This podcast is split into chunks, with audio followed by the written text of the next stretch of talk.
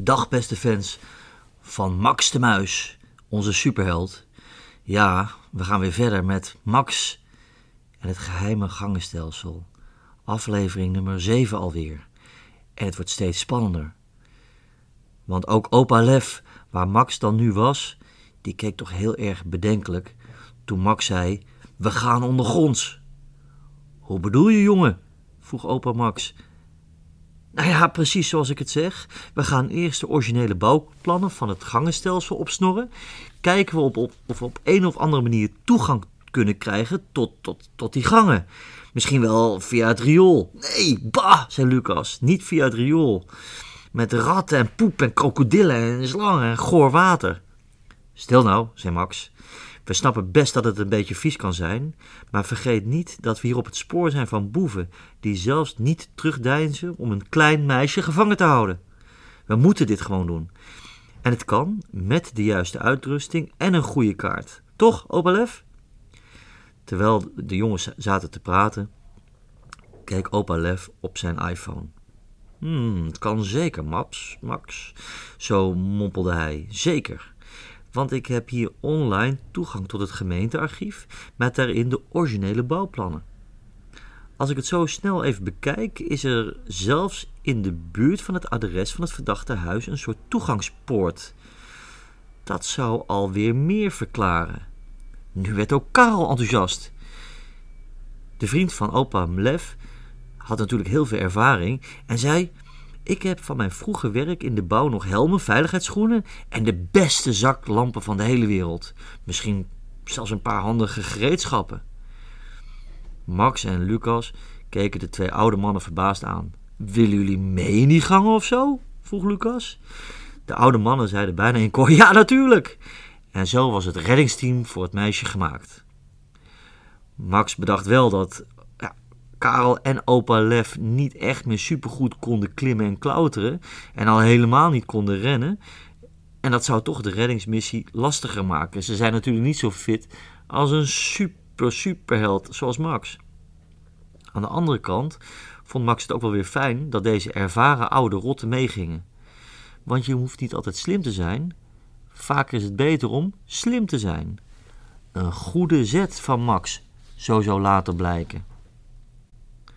S'avonds bij het avondeten zat Max nog vol in gedachten bij de komende reddingsexpeditie. En toen vroeg zijn vader hoe zijn dag was geweest. Leuk, zei hij, ik ben bij opa Lef geweest. Vader keek meteen geïnteresseerd, want ieder bezoek aan opa Lef was altijd weer goed voor een mooi verhaal.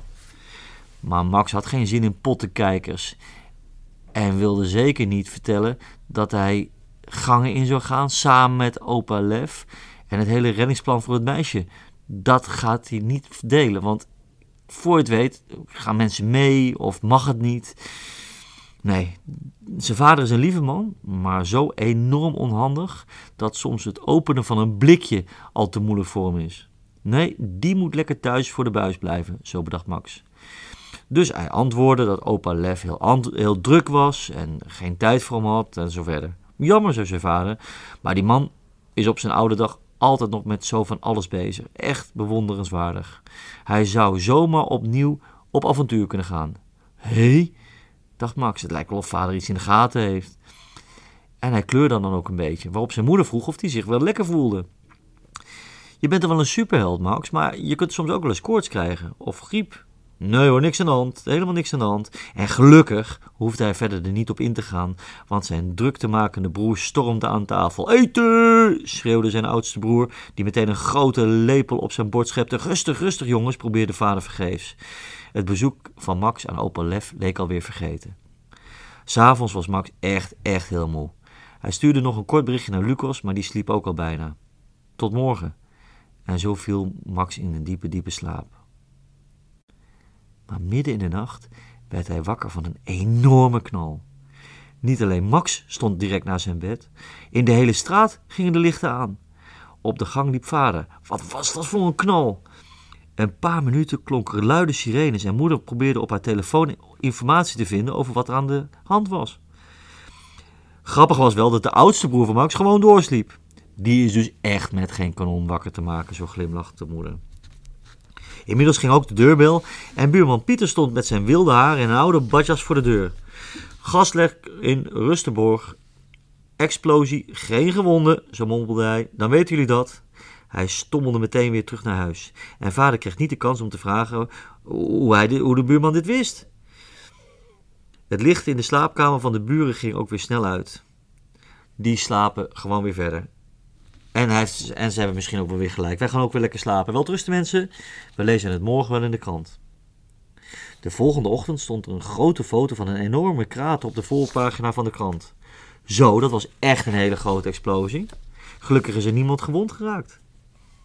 Wel opvallend dat ze dat knuffelpopje gevonden hebben, zo zei vader. Wat, knuffelpopje? Ja, want de explosie ligt vlak bij dat oude gangenstelsel, weet je wel, zo vertelde vader. En daar speelden vroeger kinderen. Max verstijfde. Gangenstelsel? Wat? De rillingen liepen hem over de rug. Zou er een verband zijn tussen dat meisje die gangen en deze explosie? Snel at hij zijn boterham, gaf zijn moeder en vader een kus en trapte de Harley Davidson aan. Iedere minuut leek te tellen. Lucas stond al klaar. We moeten nu naar jouw opa. Max, dit is niet pluis. Opa Lef leek te weten dat de jongens er al aan zouden komen, want ook hij zat al op zijn fiets.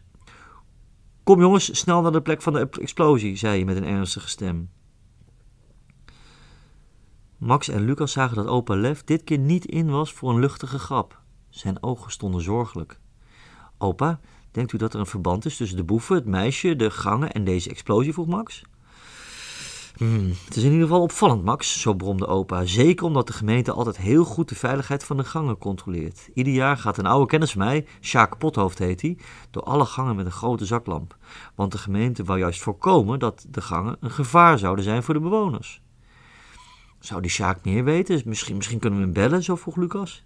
Haha, zei opa Leef. Ik heb hem al gesproken en we gaan nu naar hem toe. Die opa, die kent echt iedereen. En juist nu is dit wel heel handig. Al van ver hoorde hij de sirenes van de brandweer en de politie.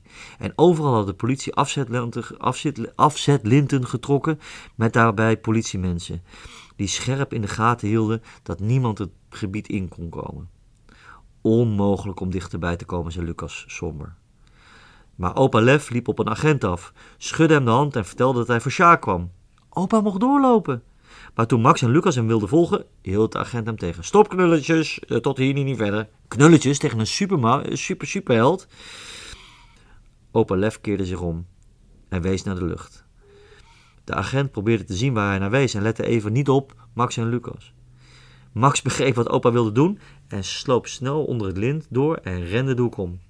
Het is niets, het is, ik dacht een helikopter, maar, uh, maar het is onzin, zei opa tegen de agent en reed weer verder. Kom jongens, zo fluisterde hij tegen Max en Lucas. We gaan verder naar de krater. Toen ze bij de krater kwamen, wow, wat een enorm gat. Het leek wel of er een bom gegooid was. Of dat het een smeulende vulkaan was. Een gigantisch, zwart geblakend gat in de weg. De stoep en aan beide kanten waren de gevels van de huizen kapot. Overal glas en stenen net oorlog, fluisterde opa. Toen kwam er een man op een afloop met een soort glimmend brandweerpak. Hij zag eruit als een astronaut. Hey, opa Lef, goed je te zien. Dat was Sjaak, Sjaak Pothoofd. Je ziet ook dat je hier niet kunt blijven, want er is nog steeds explosiegevaar. Heb je al een idee van de oorzaak? vroeg opa Lef. Ja, Sjaak knikte van nee, maar fluisterde wel iets van gaslek en sporen van mensen. Opa nam snel een paar foto's en ging weer verder. Hmm, we moeten ergens inkomen. Ze reden weer weg van de krater en opa was er wel van overtuigd dat dit niet pluis was. En zo proberen ze in het volgende deel in het gangenstelsel te komen. Wordt vervolgd. Max de Muis in het geheime gangenstelsel.